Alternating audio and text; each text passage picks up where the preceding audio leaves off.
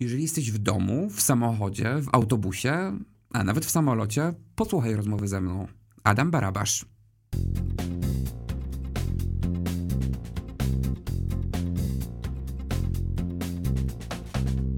Siemanko. Dzień dobry, dzień dobry, witamy serdecznie w kolejnym odcinku z gościem. A naszym gościem jest dzisiaj Adam Barabasz, który przez wiele lat pracował jako steward, a także pilot wycieczek. Cześć Adam. Dzień dobry. Słuchaj, zadaniem naszym i zadaniem tego podcastu jest to, żeby przybliżyć widzom, słuchaczom tajniki pewnych zawodów, więc chcielibyśmy zacząć od takiego pytania: jak wygląda taki typowy dzień pracownika obsługi lotu? Y, typowy dzień tak naprawdę to siedzenie przy toalecie i oczekiwanie na, na lądowanie, e, a tak zupełnie, zupełnie serio, to pracujemy według grafików, tak jak, tak jak każdy normalny e, zawód. E, dostajemy odpowiednio wcześniej grafik mm, i w tym grafiku są wyznaczone godziny, e, godziny startów, godziny lądowań i kierunki, w których będą nasze loty e, się odbywały. Natomiast to, co jest ważne, to jest to, że taki grafik jest opracowany w czasie uniwersalnym, czyli w czasie UTC. A więc w zależności od tego, jaką mamy porę roku, trzeba sobie dodać godzinę bądź dwie, żeby o odpowiedniej godzinie stawić się e, w pracy. Załoga stawia się w pracy zazwyczaj godzinę bądź godzinę i 15 minut przed startem samolotu i to jest czas, w którym uzyskujemy wszystkie niezbędne informacje tak naprawdę do, do wykonania lotu. Czyli co na przykład jest wam potrzebne? Czyli to, czy będziemy mieli jakichś pasażerów specjalnych. Pasażer specjalny to może być pasażer niepełnosprawny, to może być pasażer deportowany, to może być... E, to może być jakiś bardzo ważny gość. Także ta, ta lista jest, jest, naprawdę, jest naprawdę długa. Są też loty, które wymagają szczególnych, szczególnych formalności. Również przed lotem może zdarzyć się kontrola trzeźwości. Przychodzi Pracowników. Tak, tak, przychodzi taka specjalna pani z zestawem do e, ssania i dmuchania.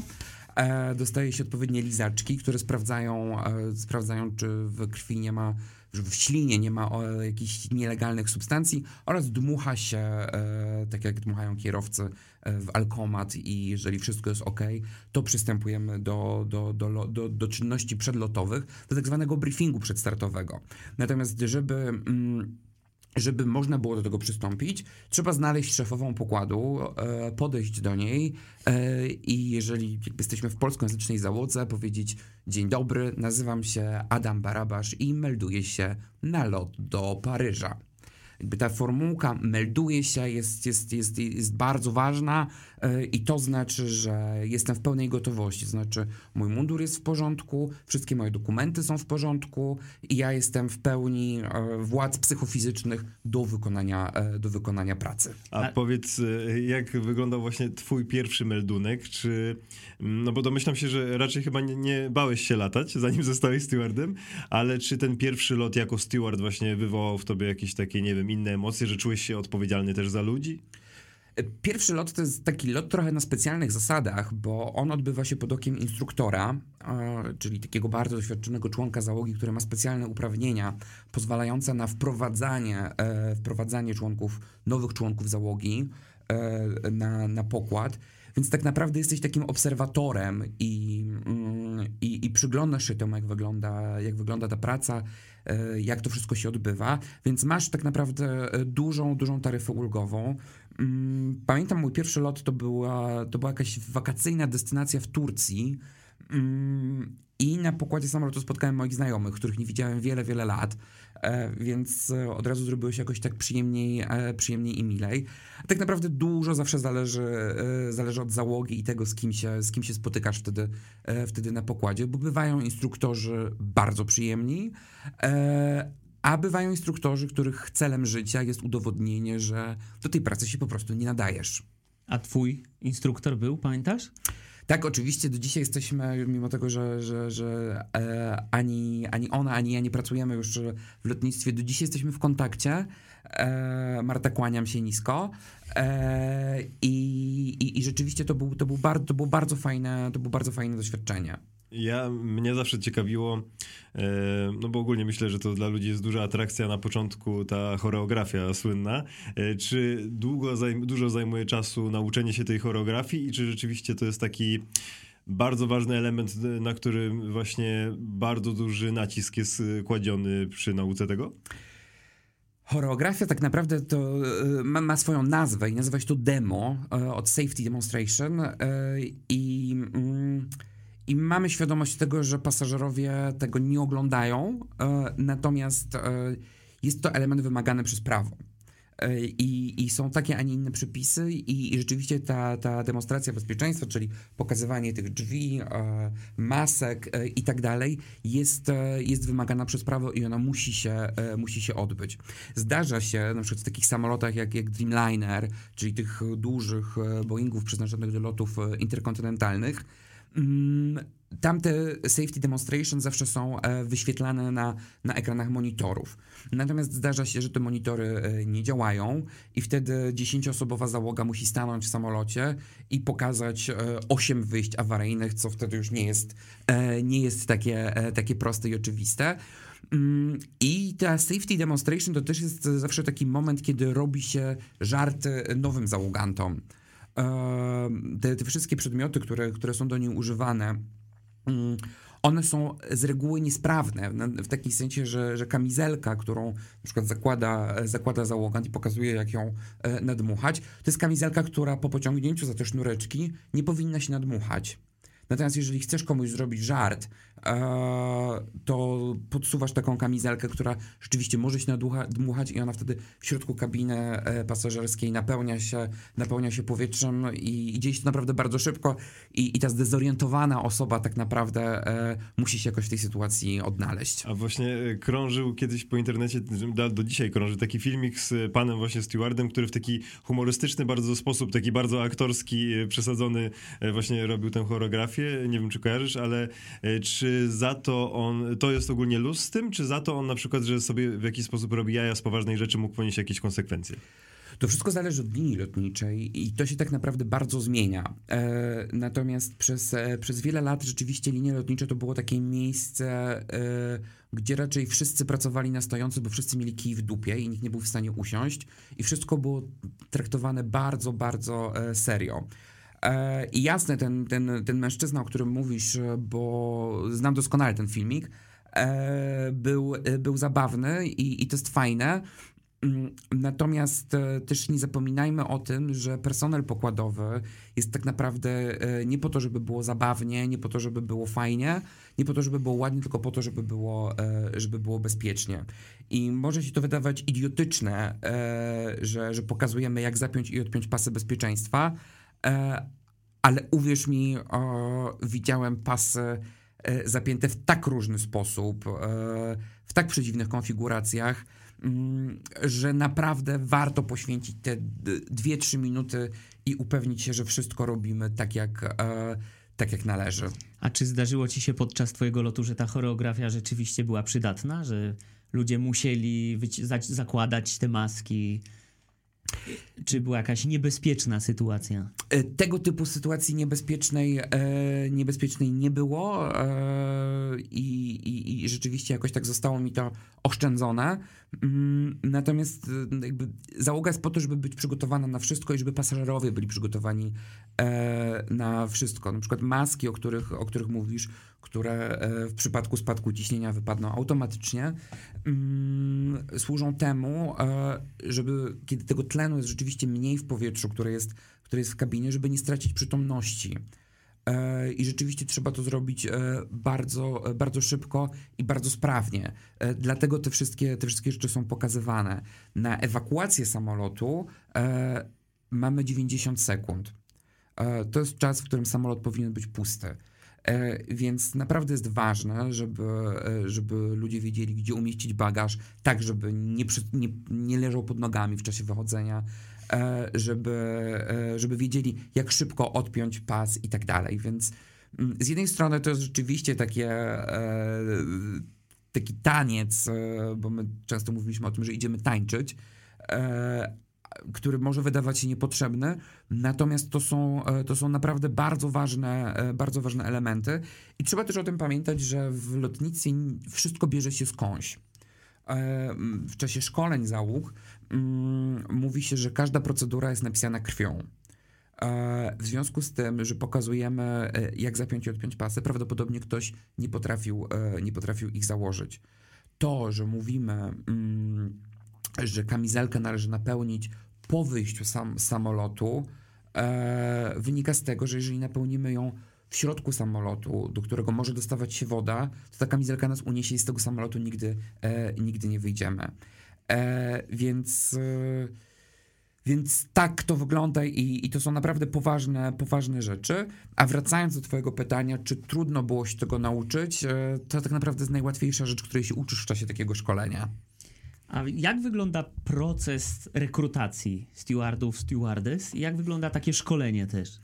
E, Proces rekrutacji to jest tak naprawdę proces jak, jak, jak, w, każdej, jak w każdej innej pracy, czyli przychodzisz, przychodzisz na rozmowę o pracę i ona ma rzeczywiście kilka, kilka etapów, natomiast jakby dla, pracują, dla ludzi pracujących w przeróżnych firmach, firmach nie jest żadną, e, żadną nowością. E, Zwykle to jest taka rozmowa personalna, e, o Twoich motywacjach i tak dalej. E, są, są części sprawdzające znajomość języków obcych i są scenki sytuacyjne, w których, w których sprawdzane, są, e, sprawdzane są reakcje. Na przykład? Pasażer nie chce zapiąć pasów, co zrobisz, jak go przekonasz. Skończyły się kanapki, nie masz czym nakarmić pasażerów, jak ich o tym poinformujesz. Mm, to są takie sceny sprawdzające tak naprawdę e, zdolności komunikacyjne interpersonalne. A ogólnie, y, czy są też takie jakby przeszkolenia w pewien sposób powiedzmy ochroniarskie, czy... No bo nie ma ochrony no, no, w samolocie, tak? Jesteście wy i piloci tak naprawdę. Czy jest, a my o tym nie wiemy. No właśnie, może jest, ale czy wy jesteście jakoś przygotowywani do, nie wiem, do sytuacji, w której jest na przykład pijany y, pasażer, który, który robi problemy, z, y, jest zbyt agresywny? Czy co wtedy wy możecie zrobić tak naprawdę? Po pierwsze, załogi są zawsze szkolone z, z komunikacji i to, jak ma postępować załogant, często określają wewnętrzne procedury, e, czy to jest pięć kroków, czy, czy trzy, w których najpierw upominamy, potem upominamy wyraźnie e, i tak dalej, i tak dalej. Mm, pilot, e, kapitan samolotu zawsze ma prawo wylądować, jeżeli dzieją się, dzieją się tego typu historie i zawsze ma prawo wezwać policję w porcie docelowym. I taka sytuacja mm, zdarzyła mi się dwa razy. E, pierwszą, pierwszą taką sytuacją e, była nieszczęśliwa miłość, e, ponieważ pasażer był uprzejmy się we mnie zakochać. Wiem, że trudno może być w to uwierzyć, natomiast naprawdę w trakcie krótkiego rejsu narodziło się bardzo duże uczucie, mm, które wzrastało wraz ze stanem upojenia mm, konkretnego pasażera. I doszliśmy do takiego momentu, że stałem w wąskim przejściu, e, zablokowany z jednej strony wózkiem cateringowym, a z drugiej strony pan tak na mnie wisiał, e, dmuchając mi do ucha. E, wtedy, mm, wtedy popełniłem dość, dość duży błąd i powiedziałem do, e, do pana: Proszę zrobić krok w tył, ponieważ chcę się schylić, co akurat było prawdą. Mm, natomiast no, ten niefortunny dobór słów e, wywołał odpowiednią reakcję i pan powiedział: Wiem i otrzymał owację całego samolotu. E, natomiast w tym, w tym przypadku zdecydowaliśmy się, że, że wzywamy policję e, w porcie docelowym i jest to zawsze bardzo spektakularne. E, kiedy, kiedy przychodzi taka policja, mm, nikt nie może wstać, oni podchodzą do takiej osoby, skuwają ją i, i wyprowadzają na oczach wszystkich z samolotu. I, i, I druga historia, w której rzeczywiście była wzywana policja, to, to była pasażerka pod wpływem narkotyków, która też bardzo agresywnie mm, zaczęła się zachowywać w trakcie, w trakcie lotu z Wysp Kanaryjskich do Paryża, więc mm, no, to, ten czas, który z nią spędziliśmy, mm, był, był, naprawdę, był naprawdę długi i, i, i to było bardzo obciążające. A odpowiadając na Twoje pytanie, czy na pokładzie samolotu jest, e, jest ochrona, zdarza się, że jest. I taka ochrona pojawia się w dwóch przypadkach. Pierwszym przypadkiem e, są loty, na których e, są osoby deportowane, e, które są zmuszone do podróżowania w asyście policji. I my o tym zawsze wiemy. taki pasażer przychodzi pierwszy i wychodzi ostatni. Mm, wiemy, gdzie on siedzi, wiemy, jak wygląda, jego dokumenty przechowuje, przechowuje załoga. Natomiast za jego, za jego zachowanie odpowiedzialna, odpowiedzialna jest, jego, e, jest jego eskorta. Mm, są też loty specjalne i to wynika z polityki różnych krajów, mm, kiedy na pokładzie samolotu pojawia się tak zwany Sky Marshal. Mm, I to nie jest tak, jak ostatnio widziałem nagłówek w jakimś portalu e, podróżniczym, że o ich obecności nie wie nawet e, załoga. E, nie, to nie jest tak, że, że, że nie wie załoga, wie o tym kapitan i, wie, i wiedzą o tym e, załoganci. Mm, taki Sky Marshal zwykle ma przy sobie broń e, i on również przychodzi pierwszy przed lotem i informuje, gdzie jest jego miejsce, gdzie, gdzie siedzi, mm, ponieważ my musimy wiedzieć, że jeżeli będzie ktoś reagował w jakiejś sytuacji zagrożenia, to to jest osoba, która jest przeszkolona, która wie, co robi i, i która nie chce nam zrobić krzywdy. A w jakiej sytuacji on się zjawia konkretnie na pokładzie? Czy to jest jakaś selekcja, czy w określonych przypadkach? W określonych przypadkach chodzi o, chodzi o, o loty do, do konkretnych krajów, a o tym już mówić mi nie wolno. Okej. A to są sytuacje, no te, które mówisz, y, poważne, czy czasem niebezpieczne, a czy dużo było sytuacji takich śmiesznych, czy takich, które wspominasz z sentymentem, albo jak ktoś cię pyta o jakąś śmieszną sytuację, to wyciągasz ją tak z rękawa? Takich sytuacji jest rzeczywiście dużo i, i, dużo takich miłych, e, miłych historii, które, które się zdarzają i jedną z takich e, najprzyjemniejszych e, moich historii jest moment, kiedy mm, spotkałem na pokładzie Polaka mieszkającego wiele, wiele lat w Los Angeles, który zaczepił mnie pytając, czy kojarzy Jamesa Cordena. E, powiedziałem, że tak, że, że, że zdaję sobie sprawę z tego, że, że, że jestem podobny, natomiast wciąż mam nadzieję, że jestem jeszcze odrobinę szczuplejszy. E, I, i mm, nawiązaliśmy bardzo, bardzo miłą rozmowę. Okazało się, że pan jest e, producentem, jednym z producentów e, Late Late Show e, i zostałem zaproszony do, do, do studia CBS. Spędziłem dwa dni z produkcją, mm, z produkcją programu. I to rzeczywiście było takie nie, niesamowite e, doświadczenie. Mm, Ale nie samo spotkanie z Jamesem Cordenem było, było najciekawsze w tym wszystkim, ponieważ w tym samym studiu, w którym, w którym kręcone jest Late Late Show, e, powstaje również serial Moda na sukces. Mm, I, i pan, pan Jerzy, który, który nas zaprosił, pojechałem tam specjalnie z moimi przyjaciółmi, e, bardzo mu zależało na tym, żebyśmy byli zadowoleni, żeby nas e, jak najlepiej przyjąć. E, I on tak nieśmiało zapytał, czy kojarzymy taki serial The Bold and the Beautiful, e, bo on nie wie, czy to, czy to w ogóle jest, jest znane w Polsce. Mm, I takim przepraszającym tonem powiedział, że dzisiaj nie ma tam obsady, natomiast no, jeżeli chcemy zobaczyć, jak, jak wygląda ten plan, to, to on jak, naj, jak najserdeczniej e, zaprasza. E, Więc e, tak, dzięki tej pracy znalazłem się w domu mody Forester. E, więc e, jest, jest dużo, dużo takich prze, przemiłych historii, e, bo ludzie tak naprawdę są super życzliwi, e, mimo, mimo wszystkich dziwactw, które tak w podróży się mocno kumulują. mm, To, to, to, to jest wiele takich, e, takich naprawdę ciepłych i, i fajnych sytuacji. Ale przy takim, wiesz, skumulowanym na pokładzie, nie wiem, 100 osobach powiedzmy, też musi się znaleźć, zna, znaleźć sytuacja, w której po prostu ci ręce opadają. Miałeś taką sytuację? E, Tak, e, tak, takich sytuacji, takich sytuacji było, e, było, było naprawdę wiele. Mm, I to są zwykle takie sytuacje, w których mm, mamy naprawdę ograniczone środki e, i brak chęci współpracy z drugiej strony. E, Pamiętam taki, mm, taki lot, który był opóźniony, mam wrażenie, o tysiąc lat. E, W samolocie nie było już niczego do jedzenia. E, I, I oburzona matka powiedziała do mnie: Proszę pana, proszę powiedzieć moim dzieciom, proszę im to wytłumaczyć, że nie ma już kanapek. No więc nachyliłem się nad dziećmi i powiedziałem: Drogie dzieci, mama nie zrobiła kanapek w domu. Jak mama zareagowała? Była zdumiona.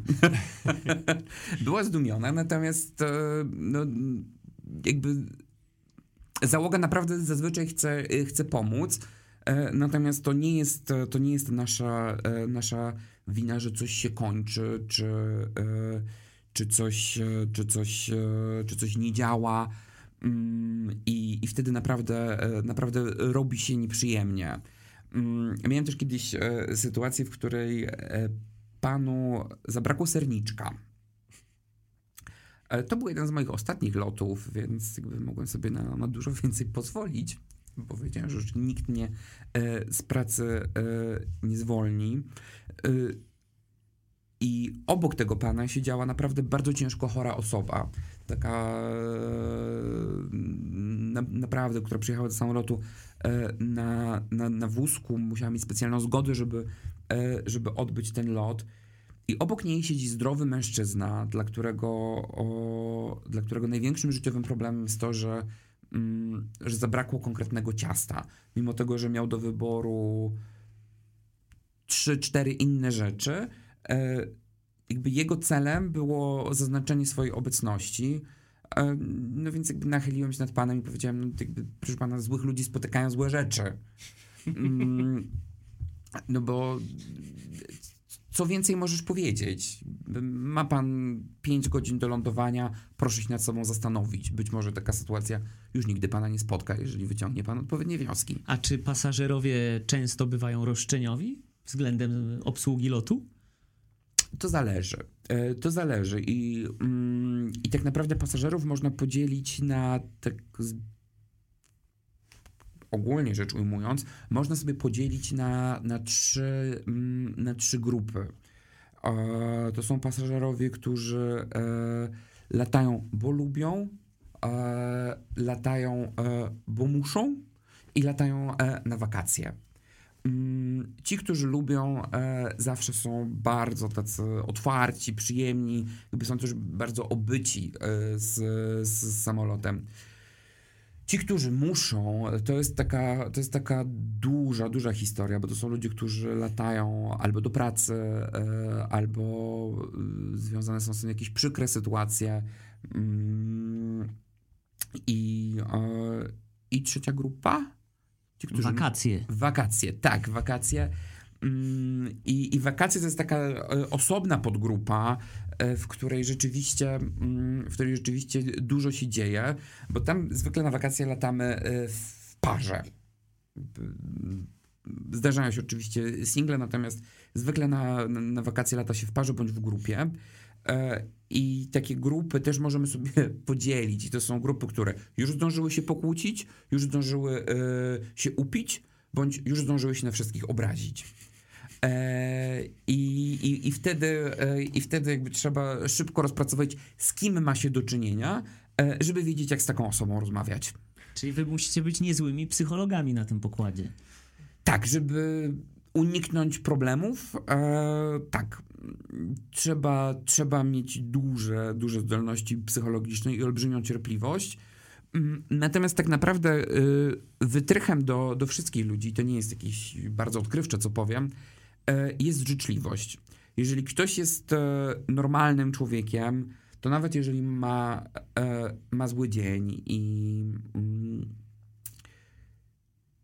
i zobaczysz w nas, że nie jesteśmy jego wrogiem, jakby da się go, da się go urobić.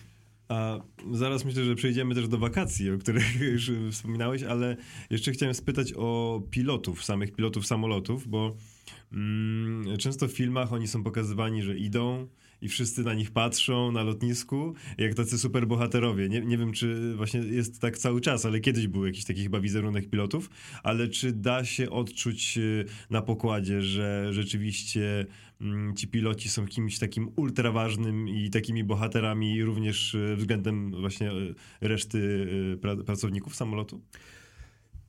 Mm, Pierwszą rzeczą, którą trzeba zrozumieć, jest to, że samolot rzeczywiście jest trochę jak wojsko. E, I, e, I kapitan ma ostatnie e, słowo w kwestii, w kwestii wszystkiego, co dzieje, się, co dzieje się na pokładzie. I o ile nie będzie ingerował w to, jak podajemy kawę, kawę czy herbatę, to na przykład, jeżeli jesteśmy gdzieś na pobycie, mm, czyli gdzieś spędzamy więcej czasu za granicą, mm, to powinniśmy poinformować kapitana, że na przykład oddalamy się z hotelu.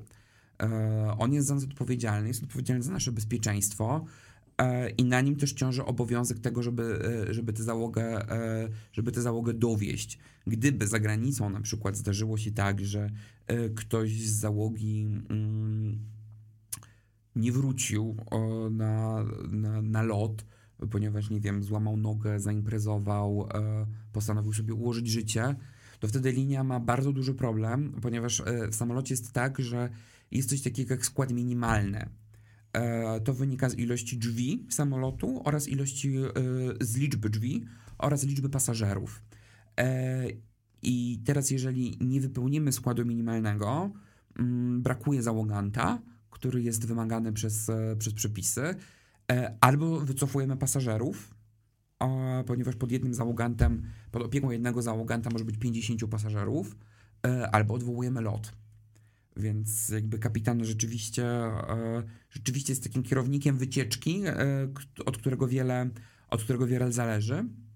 Mm, natomiast ten, ten wizerunek, e, wizerunek bohatera mm, jest w tym dużo takiej, takiej przesady i, i mało prawdy, jeżeli mówimy o, o rzeczywistości.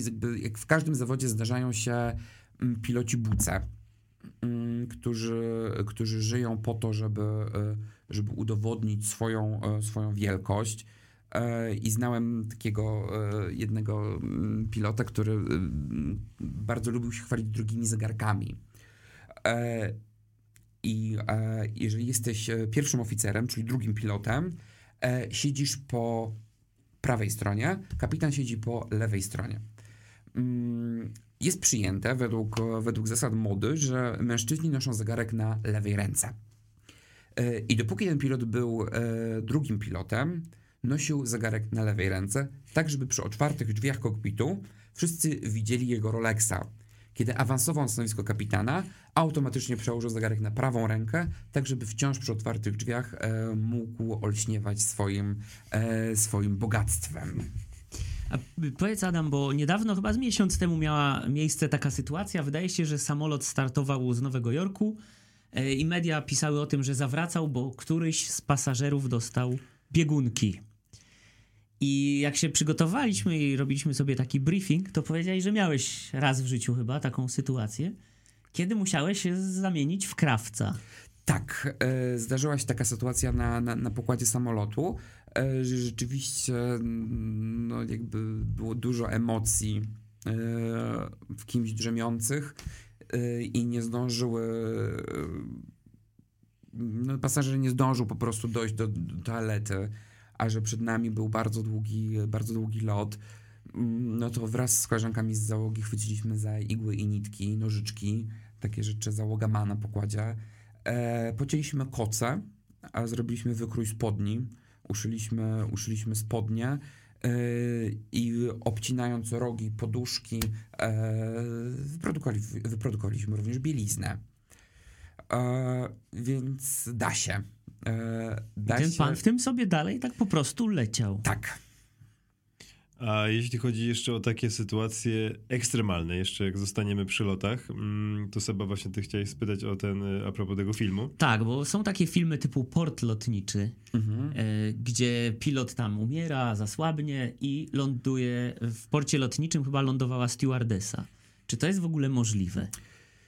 Jeżeli stewardesa jest przeszkolona bo wielu członków personelu e, pokładowego e, szkoli się w tym kierunku, żeby, żeby rzeczywiście zdobyć uprawnienia pilotów, to jest to możliwe. Natomiast przeciętna stewardesa, którą byłem ja, nie jest, nie jest zdolna do wykonania czegoś, czegoś takiego.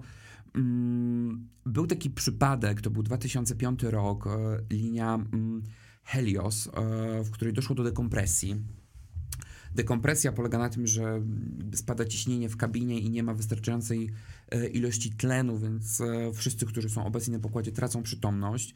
E, I, mm, i samolot lecący nad, nad Atenami zauważono, że, że, że nie ma z nim kontaktu, natomiast, natomiast jakby on był cały czas w ruchu więc poderwano myśliwce i myśliwce mm, zbliżyły się na tyle, żeby zobaczyć, że w kokpicie jest e, dwóch nieprzytomnych pilotów e, i ktoś e, próbuje e, jakby reagować, mm, cucić ich, sprowadzić samolot, e, samolot e, na ziemię.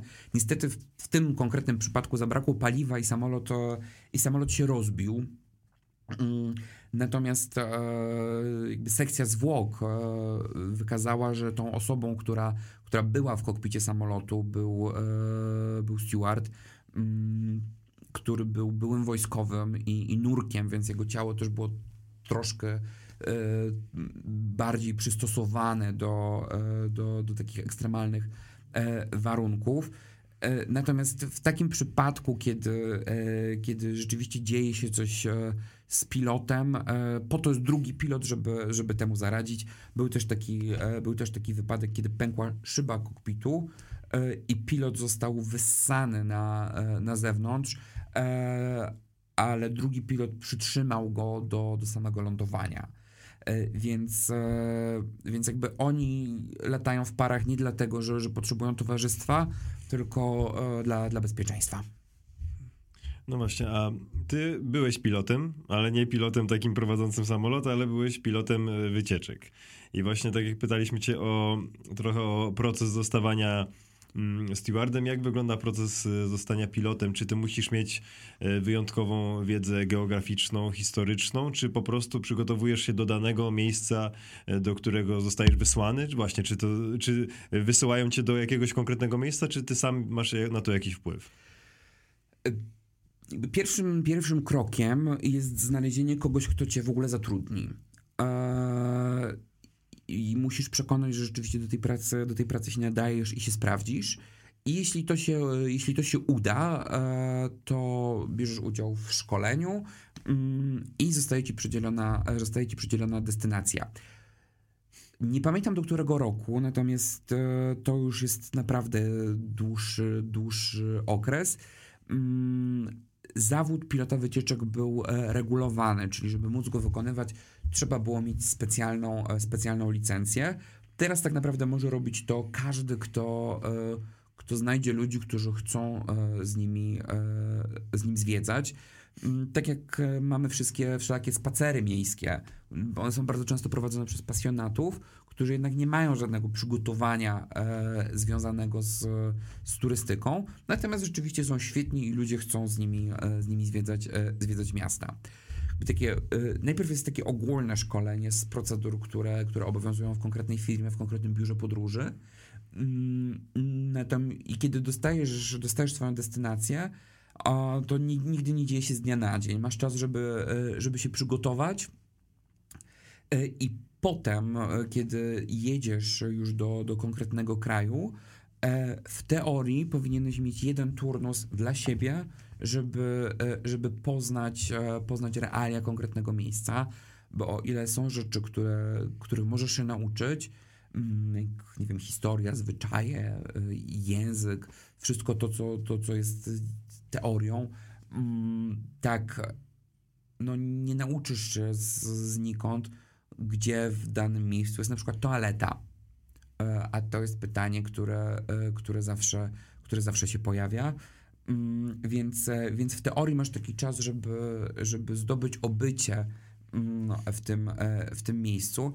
Natomiast życie pisze różne scenariusze i zdarzało mi się oprowadzać wycieczkę po miejscu, w którym sam byłem pierwszy raz.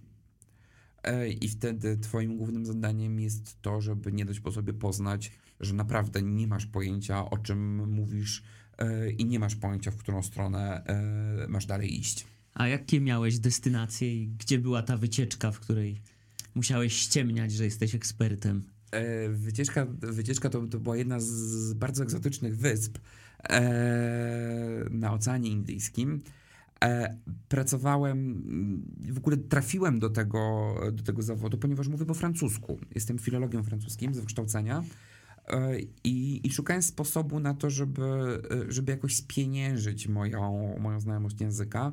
I tak trafiłem do, do Maroka, potem do, potem do, do Tunezji, gdzie, gdzie spędziłem dwa długie sezony.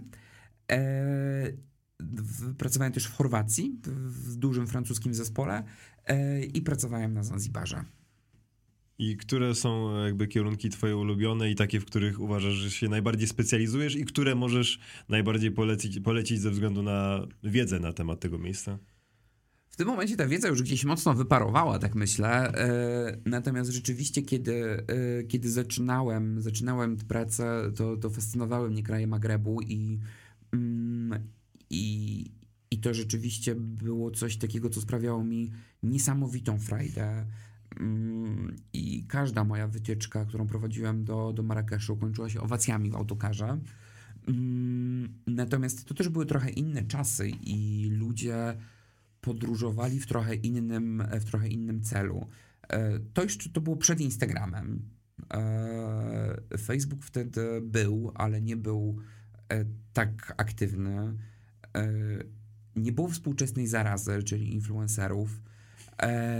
I, I, ludzie rzeczywiście podróżowali po to, żeby, żeby coś przeżyć, żeby, żeby czegoś doświadczyć, żeby, mm, żeby, coś, żeby coś zobaczyć, żeby czegoś, żeby czegoś skosztować.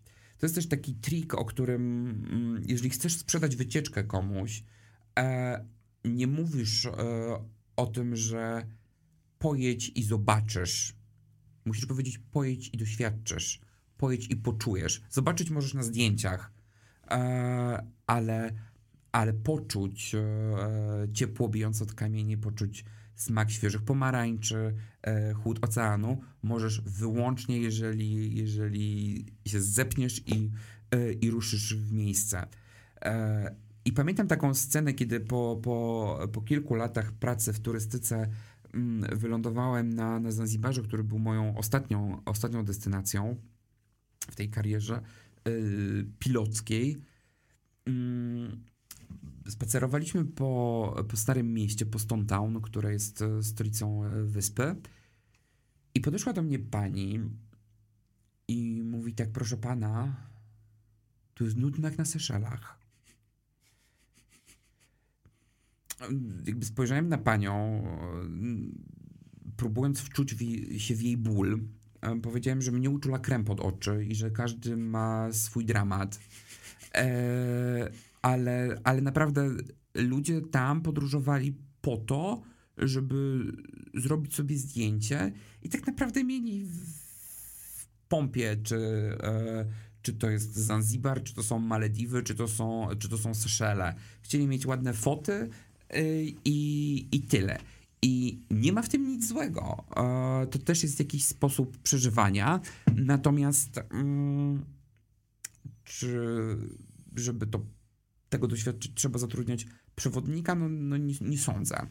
Ja w tym roku właśnie, to było dla mnie okropne, jak byłem na takiej jednodniowej objazdówie po Kefalonii e, i tam, gdzie się zatrzymywaliśmy, to pilot za każdym razem mówił dwie minuty na fotkę, ale nie było, że tam dwie minuty popatrzcie sobie na morze, czy coś takiego. I tak w którymś momencie to naprawdę się zrobiło wręcz absurdalne, bo no nie chodziło właśnie o to doświadczanie, tylko o szybkie cyknięcie y, foteczki. Ale powiedz, y, tak nawiązując do tej pani, dostajesz znowu autokar ludzi z różnym backgroundem, z różnym doświadczeniem, z różną edukacją, z różnym stężeniem alkoholu we krwi. Jak zapanować nad taką grupą? To czy oni są jak małe dzieci w pewnym sensie, czy to raczej są zdyscyplinowani ludzie, którym mówisz za 15 minut widzimy się w autokarze i odjeżdżamy? To zależy. to, to zależy. To, to zawsze trochę zależy od kierunku, w którym jesteśmy, e, bo są takie kierunki, do których jeżdżą, e, mm, które często są pierwszym kierunkiem, kierunkiem takiego pierwszego wyboru, czy, czy ze względu na cenę, czy ze względu na, na bliskość i rzeczywiście e, ludzie są e, pierwszy raz za granicą, ale to, mm, to też nie jest reguła, bo tak naprawdę e, Mm, często ktoś, kto nie wie, jak, e, jak pewne rzeczy się odbywają, e, jest dużo bardziej uważny i, i dużo, e, i dużo łatwiej nim, nim pokierować. Jak prowadziłem wycieczki w Marrakeszu, stamtąd wyjeżdżaliśmy późnym wieczorem, albo trwało dwa dni i nocowało się w Marrakeszu, albo wracało się do Agadiru mm, i spotykaliśmy się pod pod taką kawiarnią e, na placu Dżema Efna. E, I stamtąd, e, I stamtąd maszerowaliśmy na parking, ponieważ tam nie były w stanie wjechać autokary. E, I wiedziałem, że muszę zabrać z powrotem ze sobą 49 osób. Natomiast musiałem znaleźć sposób, jak się upewnić, że ci ludzie rzeczywiście się zeszli y, o tej konkretnej godzinie. Więc znalazłem ślepą uliczkę i za każdym razem mówiłem, proszę Państwa, na końcu stoi autokar. Proszę iść do końca y, i, i tam wsiadamy. Jak ludzie szli do końca, orientowali się, że, że uliczka jest ślepa, e, to wracali, żeby mnie opierdolić, a ja sobie mogłem ich policzyć. I wtedy kierowałem ich we właściwe, e, we właściwe miejsce i dało się, e, i dało się nad, tym, nad tym zapanować. To jakby nie ma, nie ma absolutnie, absolutnie reguły. Mm. Ale zdarzyło ci się na przykład kiedyś, że zniknął ktoś? Nie mogłeś się doliczyć, że ktoś gdzieś zachlał pałę i nie przyszedł na wstawioną, na ustaloną godzinę, albo nie wiem, kogoś napadli, pobili albo coś? Y, zdarzyło mi się e, zostawić ludzi na lotnisku. Mm, zdarzyło mi się zawieść ludzi na e, złe lotnisko. E, zdarzyło mi się też ludzi wycofać z wycieczki, jakby przeszli w takim stanie, który zwiastował problemy. Więc tak naprawdę tych sytuacji jest, e, jest, jest mnóstwo i, i nie ma żadnego szablonu, w który, w który da się, da się to, to wpasować. A e, wspominałeś o owacjach w autokarze i pewnie miałeś do czynienia z owacjami też w samolocie. E, I właśnie chciałem spytać a propos, bo różne stereotypy panują o Polakach na wakacjach. Jakie są twoje doświadczenia z naszymi rodakami? Czy miałeś dużo takich sytuacji, które by potwierdzały, potwierdzały te negatywne stereotypy? Czy jednak to jest troszkę rozdmuchane? Bo też prowadziłeś wycieczki dla obcokrajowców, tak? Też. Więc masz tak. skalę porównawczą. Tak. tak. E, jakby w nas, e, w nas jako narodzie, tak przemawiając z perspektywy autorytetu, e, którym w żaden sposób nie jestem, e, najgorsze jest to, że mamy bardzo dużo kompleksów. E, jakby naprawdę nie tylko Polacy klaszczą, klaszczą w samolocie, nie tylko Polacy noszą skarpety do sandałów. Jest w nas trochę dziwactw, ale te dziwactwa, te dziwactwa są fajne. Mm, są fajne, są, są, są urocze. I jakby oczywiście bardzo często pojawiała się taka skarga, reklamacja, że mm, proszę pana, w pokoju nie ma polskiej telewizji. No jakby przyjechałeś za granicę, to, to oglądaj zagraniczną telewizję, to korzystaj e, z pięknej pogody, z morza, z basenu, e, a nie siedź, e, nie przed, przed TV Polonia. Natomiast jakby ja zawsze wychodzę z takiego założenia, że jeżeli ktoś podjął ten wysiłek i, i ruszył się z domu, to to go zawsze, zawsze wzbogaci i jakoś naprawdę każdy naród ma jakieś swoje, e, swoje e, żenujące, żenujące przywary mm, i, i nie byłbym taki, taki surowy. Jedyne, co jest dla mnie szokujące e, i co wciąż się zdarzy, to jest to, że młodzi ludzie nie znają angielskiego. Nie wiem, jak można przeczołgać się przez edukację i nie wiem, o kim to tak źle świadczy, żeby nie potrafić załatwić najprostszych, e, najprostszych rzeczy. E, to jest dla mnie, to jest dla mnie niezrozumiałe, ale to też nie jest żaden ewenement w skali, e, w skali światowej. Włosi nie mówią po angielsku, Francuzi nie mówią po angielsku, a Anglików nie da się zrozumieć, więc każdy naród, każdy naród ma, ma, coś, ma coś swojego i, i, I, to jest fajne, no bo, no bo jesteśmy różni i, i po to właśnie podróżujemy, żeby, żeby tego doświadczać. A miałeś często do czynienia z taką sytuacją, czy ze strony Polaków, czy ze strony y, innych narodów, że płacę i wymagam i że po prostu muszę to mieć tutaj natychmiast? Tak. Tak, tak, tak. Miałem też taką sytuację. Mm, w biurach podróży często zdarza się coś takiego, co nazywa się overbookingiem. To też zdarza się w samolotach E, więc trzeba przenieść gości do, do innego hotelu. E, informuje się ich o tym, jak już przylecą w dane, w dane miejsce.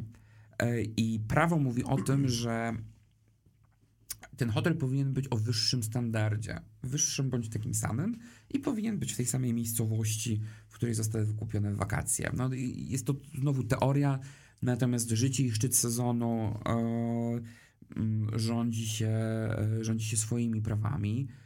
E, I zdarzało się tak, że goście, którzy wykupili e, w czas w hotelu pięciogwiazdkowym, lądowali w hotelu trzygwiazdkowym i na spotkania ze mną przychodzili z pudełkiem karaluchów, które wysypywali mi na głowę.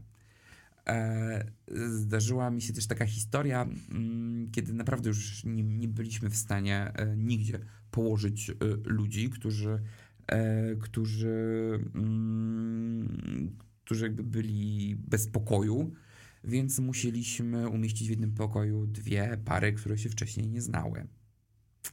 I jak na to zareagowały? No jakby to była sytuacja bez wyjścia, więc niezależnie od, od ich reakcji wiedzieliśmy, że oni muszą e, spędzić, e, spędzić e, razem, e, razem tę noc. Mm, I ta historia e, stała się tak naprawdę po, po kilku latach zalążkiem sztuki teatralnej, którą napisałem, która jest wystawiana w Teatrze Wit-Wit w Gliwicach. E, bo rzeczywiście te wakacyjne historie to, to, to jest najlepszy scenarzysta i, i to są rzeczy, w które w zwykłym życiu, kiedy zostaniesz w domu, po prostu ci się nie przydarzą. No właśnie, bo dzisiaj przelecieliśmy przez kawał twojego życia, a dzisiaj się zajmujesz też stand-upem i właśnie czy e, te historie z tych poprzednich prac e, znacząco cię zainspirowały do tego, żeby zacząć opowiadać ludziom o tych różnych sytuacjach, o których między innymi dzisiaj nam opowiadasz? Tak, bo nigdy nie myślałem, że to jest w ogóle dla kogokolwiek interesujące. Y, dla mnie to po prostu była, e, była praca, był to jakiś sposób na, na życie i poznawanie świata. E, natomiast e, okazało się, że jakoś tak mimochodem stawałem się główną atrakcją kolejnych imprez, więc jakoś postanowili, postanowiłem za też namową przyjaciół pójść z tym trochę dalej i, i wyjść na scenę. E, ludzie się śmieją, więc, więc mm, myślę, że jest w porządku. To co? Powoli lecimy. No, chyba powolutku będziemy lądować. Dziękujemy Ci, Adam, bardzo serdecznie za tę rozmowę. Dla nas to była mega ciekawa i interesująca rozmowa i mamy nadzieję, że dla naszych widzów i słuchaczy to będzie równie interesujący materiał. Myślę, że zdecydowanie, że często właśnie sami jesteśmy po tej stronie wycieczkowicza czy pasażera samolotu, a trudno tak usłyszeć tę historię, jak to wygląda od tej drugiej strony. Tak, e, zapraszam, zapraszam na pokład. E, podróże kształcą każdego. Zdecydowanie tak. A my zdecydowanie zapraszamy Was do wysłuchania i do obejrzenia wszystkich naszych e, odcinków poprzednich i zapraszamy do wszystkich kolejnych. A także prosimy Was o subskrybowanie nas na YouTubie, obserwowanie na Spotify'u i wystawianie tam ocen gwiazdkowych, bo to nam pomaga pozycjonować ten podcast. I zapraszamy również do postawienia nam wirtualnej kawki w serwisie buycoffee.to, łamane na wiesz o tym, link, link w opisie odcinka. I no cóż, dziękuję Wam bardzo serdecznie i do usłyszenia i do zobaczenia. Lecimy.